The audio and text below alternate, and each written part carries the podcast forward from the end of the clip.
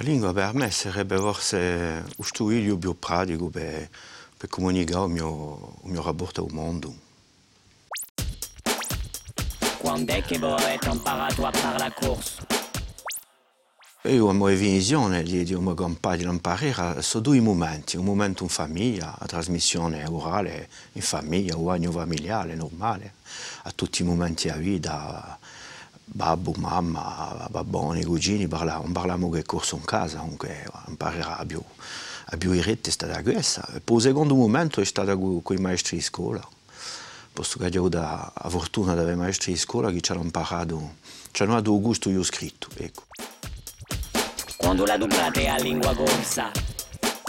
La lingua è, è un media di nostra società, dunque in maniera naturale in famiglia è sicuro e, è un basso più pratico per farsi capisce e poi nel lavoro ogni giorno cerco di imparare la lingua il più che posso eh. in certe situazioni è abbastanza difficile ma adopero la lingua in tutti i momenti della mia vita non ho mai cambiato perché cerco di, di sperdiare ogni giorno il più possibile che penso che a, a maniera di arrivare alla campagna di adoperare il più, il più che posso nella mia società chi rappresenta per voi la lingua corsa? È una forza per noi di avere questo studio così, questa lingua moderna, questa raica profonda della lingua, che forma una riflessione specifica al corso, a fianco a un'altra lingua, la lingua francese, che forma un'altra forma di riflessione. E per me è questa lei a tre uie che, che si incarna in, de, in de ciò che vogliamo capire quando siamo in una società specifica a lingua, o vocabolario, o lessico, eh, a prima forma di riflessione che ho è sempre in corso nel suo in francese. Sia una creazione, non scrivo mica in francese, non posso scrivere in corso. E, ed è che di uno stesso o, o avere la forma, diciamo, che, che, che ci faccia conoscere più intanto che popolo in questa terra della nostra lingua.